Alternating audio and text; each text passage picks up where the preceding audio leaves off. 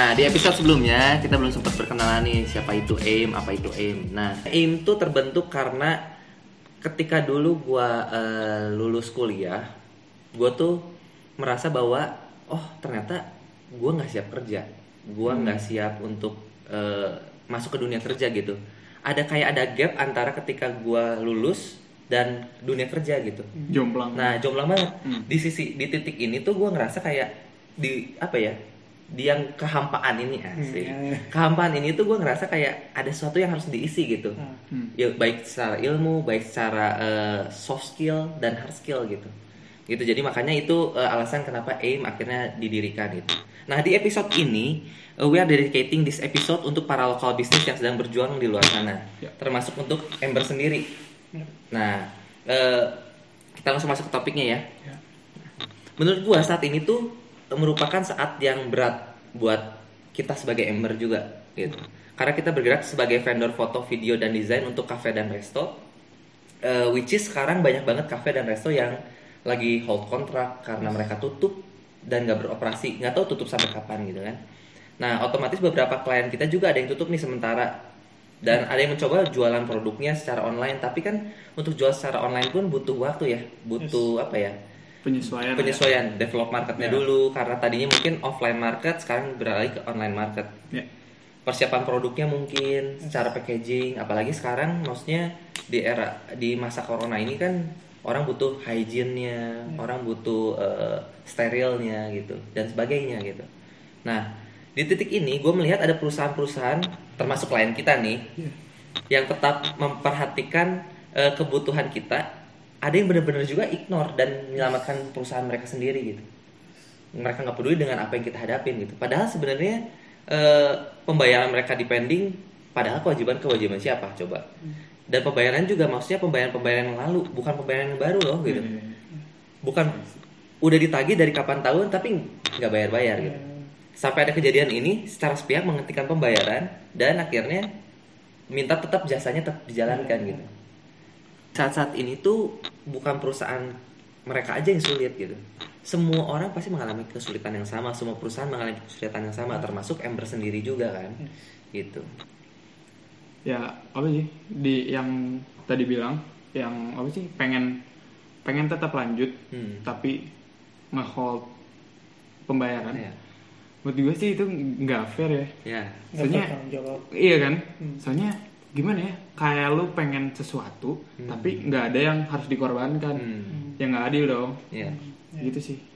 Ya, lebih harusnya eh, kalau misalkan emang ada satu keputusan atau apa harusnya diobrolin secara baik-baik ya lebih mempunya apa ya eh, itikat baik itikat baik dulu untuk berbicara bahwa Ya. kondisinya seperti ini atau seperti apa. Ya. Jadi kedua belah pihak pun mengerti seperti itu ya, nggak Hmm. apa namanya tidak di PHP-in lah istilahnya Nah, gitu. Kalau nggak seenggaknya diiniin lah apa ya? Dirin, ren, dirundingin dirindungin dulu kan? Enggak Ya. nggak dirindungin dulu kan? Rendung. Ri- Ri- rin- Apa sih namanya? Rundingkan. Di, ya diri, dirin apa sih? Rundingkan. Di- dirundingkan dulu Ah. kan? Dua, belah sorry sorry dua belah pihak kan, Yes. Gitu kan? jadi ada kesepakatan tuh di antara dua belah pihak itu ya tidak tidak melulu harus diputuskan untuk ya berhenti total ya Ya. meski harusnya ada jalan keluar yang lebih baik Ya. sih? Kayak gitu. Cuman maksudnya buat gua gini, justru di saat ini kan kita harus lebih melihat keluar gitu ya. Kalau misalnya kita cuma berfokus sama diri sendiri dan menyelamatkan diri kita sendiri, misalkan katakanlah perusahaannya cuma menyelamatkan perusahaannya sendiri tapi nggak menyelamatkan eh, vendor-vendor yang ada gitu, ya semuanya bakal mati gitu. Buat Yap. gua hari di, di titik ini kita harus memanusiakan manusia dan berpikir bahwa bukan cuman kita berpikir apa yang bisa kita dapat, tapi apa yang bisa kita berikan kan gitu.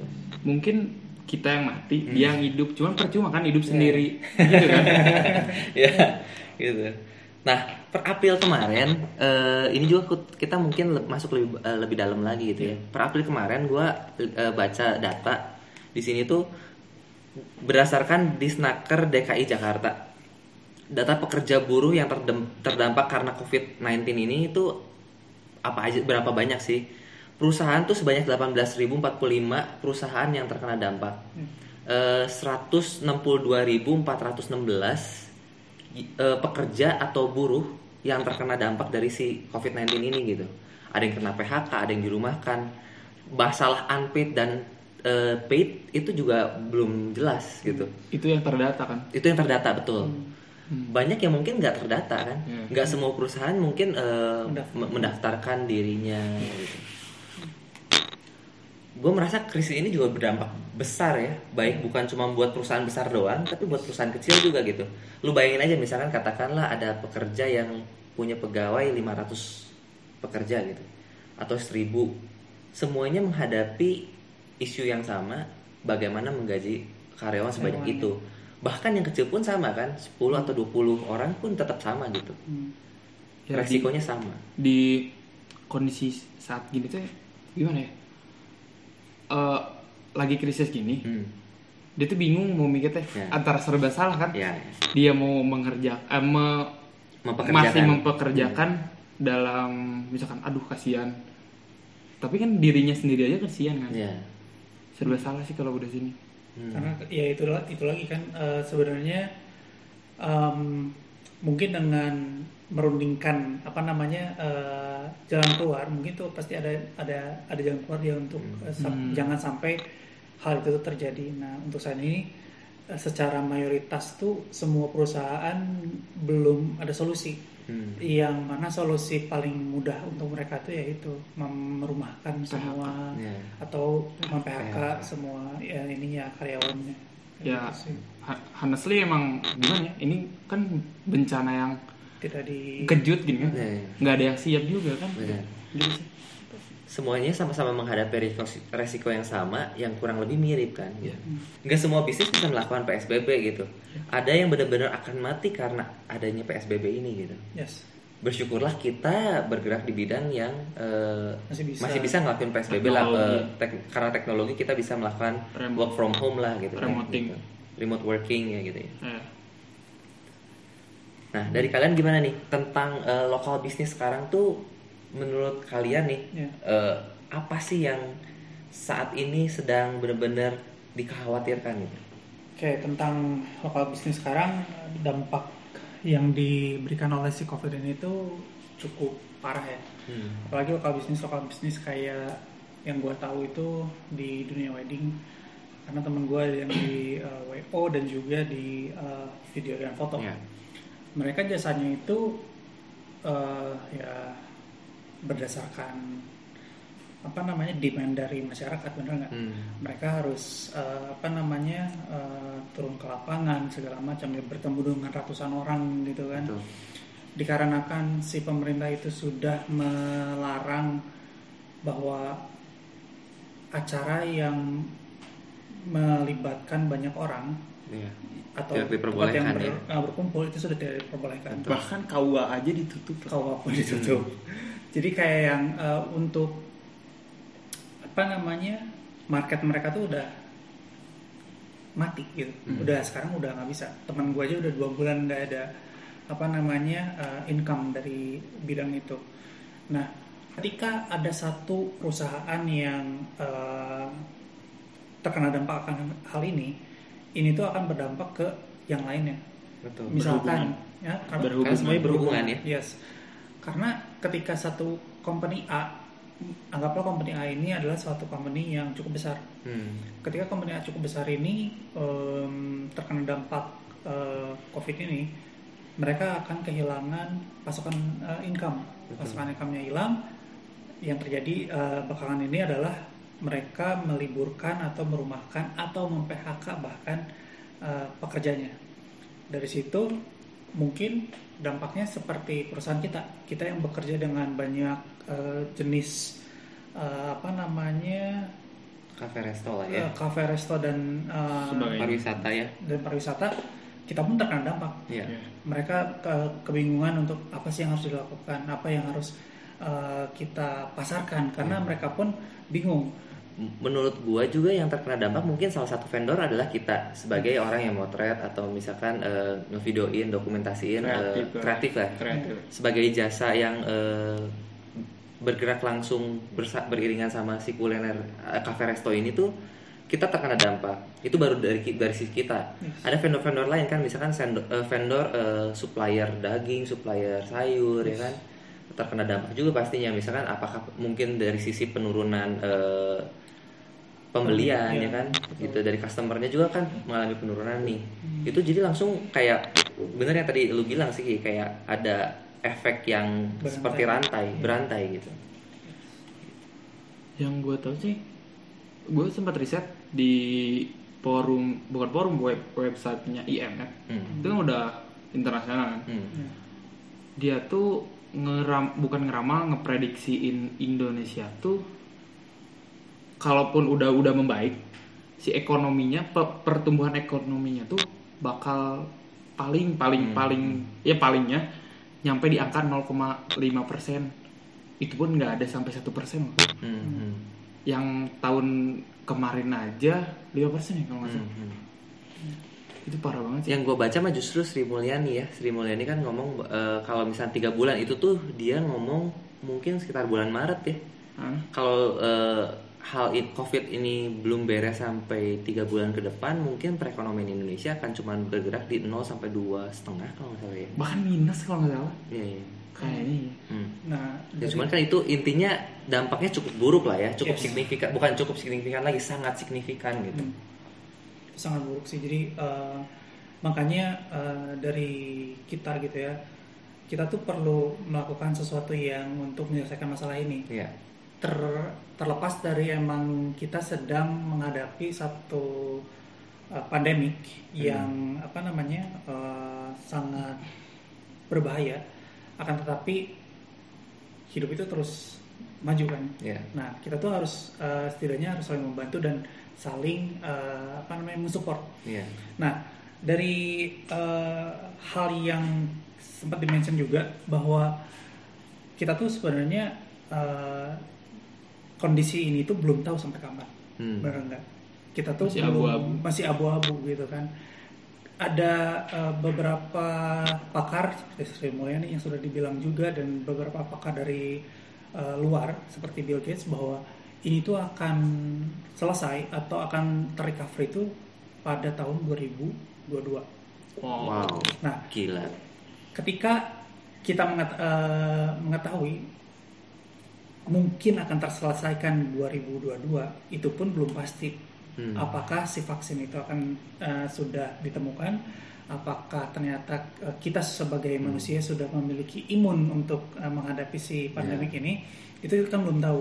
Nah, seharusnya kita sebagai eh, manusia dan sebagai pengusaha yang yang maksudnya eh, bersama hidup bersama-sama lah ya Iya. kita harus Iya. saling membantu gitu mencari jalan keluarnya. Nah di eh, beberapa forum eh, yang saya baca ternyata nggak semuanya Hmm. yang terkena dampak Betul. eh, apa namanya covid Dari ini. COVID ini. Ya. Malah ada yang diuntungkan. kan? Malah ada yang diuntungkan. banyak loh yang Iya. diuntungkan Uh, dari posisi positif ataupun negatif Betul. Tapi dari posisi sisi positif ternyata em, bisnis online itu melonjak Ya. terus bisnis bisnis seperti uh, distributor itu melonjak dan itu pun uh, apa namanya bukan berarti mereka mudah ya Hmm.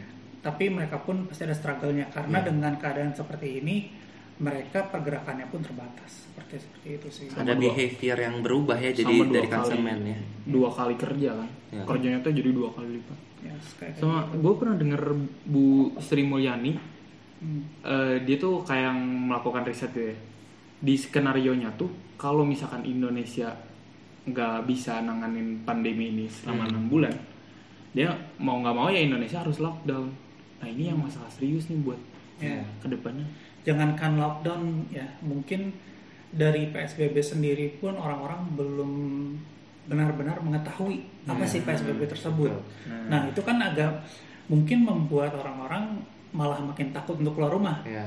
Daya beli menjadi lebih kurang buat orang Ini kita tinggal di daerah Bandung aja.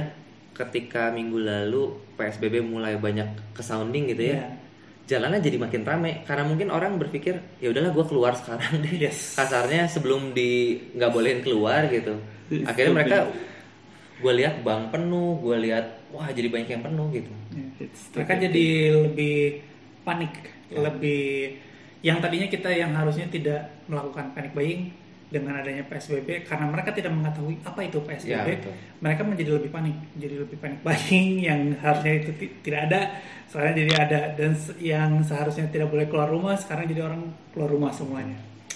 masalahnya di ini sih apa sih namanya Eh, pengolahan informasi ya. Hmm, hmm. Ya. soalnya kan si media tuh kayak ngeblow up PSBB itu bahaya lah atau pokoknya digencar-gencaran PSBB nah banyak dari kita yang nggak ngerti PSBB itu apa Betul. dan banyak juga yang nggak mau riset kan Yes. Ya. gua gua pernah dengar aktor Amerika dia bilang coba tutup media nasional 30 hari Hmm. dan kalian akan lihat 80 masalah nggak akan ada gitu dia bilang Hmm, menarik. Ya. Ini mungkin jadi kayak bad news sales ya, benar nggak Iya. sih? Bahwa mungkin sih. Sebuah eh, apa ya berita yang buruk itu di blow up sampai membuat masyarakat juga jadi takut gitu. Ya, Hmm. betul. Eh, itu perlu, tapi menurut gua di sisi yang lain jangan terlalu di blow up juga gitu. Harus balance lah ya segala sesuatu juga. ya. penyampaiannya harus benar sih kayaknya Hmm, kayaknya hmm. gitu nah em, dari apa namanya dari yang akan mendatang nih em, sekarang kan kita sedang menghadapi masalah Hmm. nah apa sih yang akan terjadi ke depannya nah ke depannya ini eh, yang kita harus antisipasi benar nggak sih Betul. Nah, em, banyak perusahaan-perusahaan yang sekarang tuh ya antara mereka sudah pilot atau sudah bangkrut Hmm. atau mungkin mereka masih bertahan tapi dengan kondisi yang yang, ya kondisi yang Ya. tidak eh, Tidak seperti maksimal biasa. ya. Nah, em, ada beberapa sumber yang eh, saya baca dan saya lihat Hmm. bahwa ke depannya tuh akan ada eh, beberapa tren Iya. Nah, trennya itu salah satunya adalah eh, kita akan menghadapi krisis peminjaman. Hmm. Nah, di krisis peminjaman ini akan banyak sangat usaha-usaha yang berusaha untuk kembali menjalankan usahanya Iya. dengan meminjam uang yang sebenarnya mereka belum tentu Bisa eh. Bisa mampu bayar. untuk membayarkan, Betul. gitu kan? Nah, Hmm. ketika eh, perputaran uang ini tidak lancar, maka eh, perekonomian internasional maupun nasional itu akan sangat riskan. Iya. Karena apa? Kita eh, Indonesia mungkin ada beberapa fase yang eh, mencontohkan bahwa kita mem- memiliki fase krisis. Hmm. Di masa-masa krisis itu eh, negara kita tidak memegang uang dan kita memiliki hutang yang cukup besar. Dari riset yang gua eh, baca, untuk saat saat ini utang seluruh dunia itu di sekitar 253 triliun Hmm. US dollar. nah itu masanya utang ke siapa Nah, konspirasi lagi kan Itu sudah- nanti lah nanti lah kita bahas Itu nanti dibahas di. nanti ada risetnya. Ya, nanti kita bahas Nah, nah dari eh, utang itu sendiri pun sebenarnya itu bukan utang di tahun sekarang, Hmm. tapi di utang eh, tahun lalu 2019 Hmm. dan 2018. Jika pada saat eh, recovery ini di- eh, dilanjut eh, dilanjutkan dengan hutang yang lebih besar lagi, Mm. maka perekonomian akan sangat goyah. Iya. Dan yang eh, yang saya ketahui adalah sekarang negara-negara mereka sudah berpikir untuk apa ya mandiri. Hmm. Itu lebih berbahaya lagi benar nggak? Hmm. Kayak misalkan em, kita sebagai eh, negara Indonesia kita eh, mengeluarkan produk seperti bahan-bahan pertanian betul tidak? Hmm, hmm. Beras, ikan segala macam. Dengan kondisi sekarang mereka menutup ekspor impor Hmm. di em, Amerika Amerika sudah menyatakan bahwa eh, mereka tuh akan berusaha untuk mandiri tidak akan eh, menerima supply dari eh, luar dulu karena untuk Hmm. menekan penyebaran ya si covid ini terus eh, beberapa negara lain pun berusaha untuk eh, apa mandiri kenapa ketika mereka menghadapi situasi seperti ini lagi mereka ingin tetap bertahan tidak bergantung sama negara lain gitu. Tapi di sisi yang lain menurut gua ada bagusnya adalah gini. Terkadang mungkin Indonesia mengekspor produk-produk pertanian kita tapi kita malah mengimpor balik beberapa produk gitu kebayang Iya, nggak? Jadi betul. akhirnya sekarang kita ya udah kita memakai produk dari diri sendiri untuk kita dari kita untuk kita dan oleh kita gitu. Jadi jadinya. uang berputar. Jadi uangnya berputar Nggak- harusnya. gitu. keluar. Ya di sisi itu sebenarnya bagus kalau Iya. menurut gua. Ya kita nggak apalagi maksud gua eh, Indonesia tuh negara yang kaya, betul negara yang eh, punya sumber daya yang cukup banyak gitu. Hmm. Eh, dan itu bisa menghidupi bahkan seluruh rakyat Indonesia harusnya gitu. Iya. Ya. yang cukup dikhawatirkan sih itu sih paling uh, demand untuk uh, mereka meraup untung lebih yang Ya. diinginkan oleh pasar global itu akan berkurang Hmm, gitu hmm. untuk saat ini Ya, kayak ya. gitu yang gue lihat sih sebenarnya akan ada perubahan behavior dari si customer sendiri gitu kayak misalkan contoh orang mungkin sekarang eh, ke kafe nggak datang eh, langsung kan yang tadi lu bilang mungkin Hmm. lebih dari online Eh, lebih dari sisi online yang lebih bakal kuat gitu pesan makanan cuma tinggal lewat handphone segala macam Eh, itu tuh akan merubah banyak behavior bahkan gue sempat baca satu artikel dia bilang bahkan setelah corona beres behavior orang-orang tuh akan tet- tetap berubah gitu Ya. dan mungkin itu jadi a new normal yang sempat kita bahas gitu Ya. Bahwa new normalnya itu apa gitu oh mungkin orang jadi lebih eh, apa ya Lebih aware. lebih aware sama kesehatan Hmm. lebih aware sama eh, banyak hal gitu dari si eh, corona ini sendiri pun menurut gue jadi banyak apa ya Ada positifnya sih. ada positifnya Pasti ada. pasti ada dan kita fokus aja sama yang positifnya gitu dibanding Betul. kita cuma pusing sama yang negatifnya kan gitu Betul. Nah new normal tadi tuh menurut gue membukakan banyak peluang Hmm. 1998 itu ada krisis di Indonesia Ya. dan setiap kali ada krisis selalu ada kesempatan yang baru betul selalu ada chance yang baru nah menurut gue itu sebuah hal positif yang memang harus kita lihat kita jangan cuma fokus sama eh, masalahnya, Masalahnya. kan, gitu. ya kan ya makanya eh, trending yang bakal itu itu online dan juga work from home. Atau sebenarnya work from home ini dulunya adalah remote working. Remote working ya. Remote working Betul. ini sebenarnya tidak apa ya? Udah common lah di Jakarta. Udah common tapi tidak semua orang melakukannya. Betul.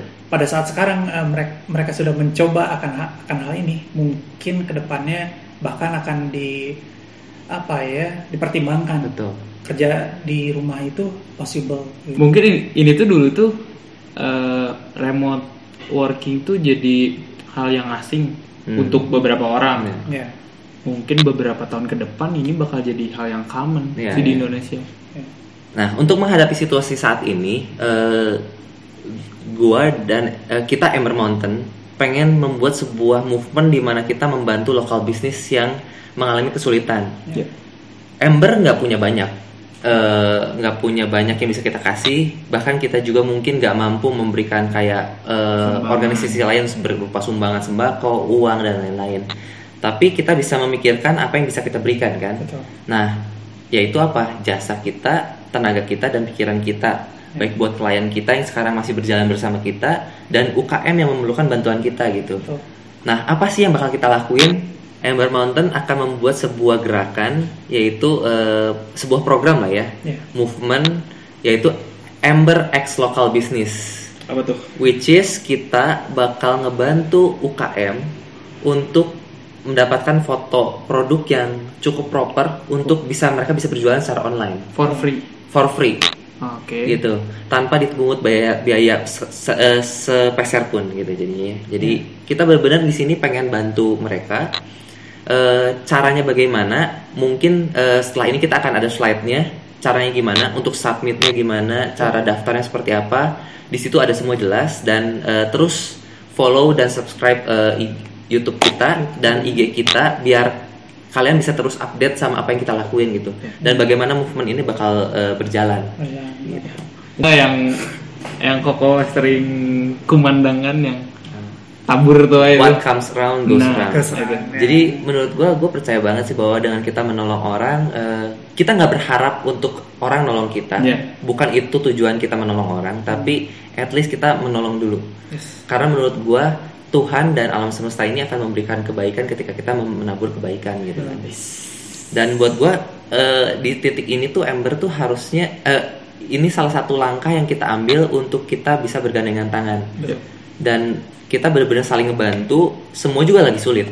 Dan semua juga lagi menghadapi hal yang sama. Bersama-sama akan jauh lebih baik kan dibandingkan sendirian gitu. Di titik ini juga kita nggak tahu nih sebenarnya Ember tuh akan bertahan atau enggak Yes. ya kan? Eh, tapi balik lagi seperti yang eh, di episode aim pertama kali bahwa apa yang kita eh, yang gue omongin tuh bahwa alasan kita melakukan ini adalah cuma ada dua hal yaitu hope sama belief. Di mana gue yakin ketika kita melakukan eh, dan berharap untuk yang terbaik kita percaya bahwa ketika kita melakukan yang terbaik itu nggak ada hasil yang sia-sia eh, ya menurut gua pasti ada hasilnya gitu. Pasti. dan menurut gua eh, semoga eh, movement ini tuh juga bisa memberikan banyak dampak buat eh, lokal bisnis yang sedang membutuhkan Nah, kayaknya untuk lokal bisnis cukup sekian dulu kita bahas. Nah, cuman kita pengen ngajak eh, setiap orang yang nonton, setiap orang yang eh, tahu dan lebih pintar dibanding kita lah. Kita kan bukan apa-apa lah. Maksudnya kita di dunia ngobrol- ekonomi kita ngobrol- cuman ngobrol aja gitu. Ya, kita. Jadi kita pengen eh, ngajak diskusi nih, apa solusinya? Siapa tahu kita bisa sama-sama sharing, kita sama-sama bagi kekhawatiran kita dan dengan sama-sama berbagi, sama-sama eh, sharing, menurut gua kita bisa jadi sama-sama tahu dan menolong banyak orang lebih Siapa lagi. tahu di luar sana banyak yang punya solusi nih, Betul. cuman nggak didengar. Betul, Iya. betul. Mungkin gitu sih. Nah, tolong eh, komen aja di eh, kolom komentar Yes. dan eh, pastikan eh, kita pasti akan ngebalas gitu. Yap, itu akan kita baca semua dan mungkin akan dibahas di uh, konten Next. berikutnya ya. Ya, ya. Kayak gitu. Mungkin Nah kebetulan kan kita eh, Rabu depan nih Bandung khususnya ya akan Nerapin nerapin PSBB. PSBB. Betul. Nah kita akan bahas itu di video selanjutnya ya. mungkin kita akan bahas. ya. Thank you.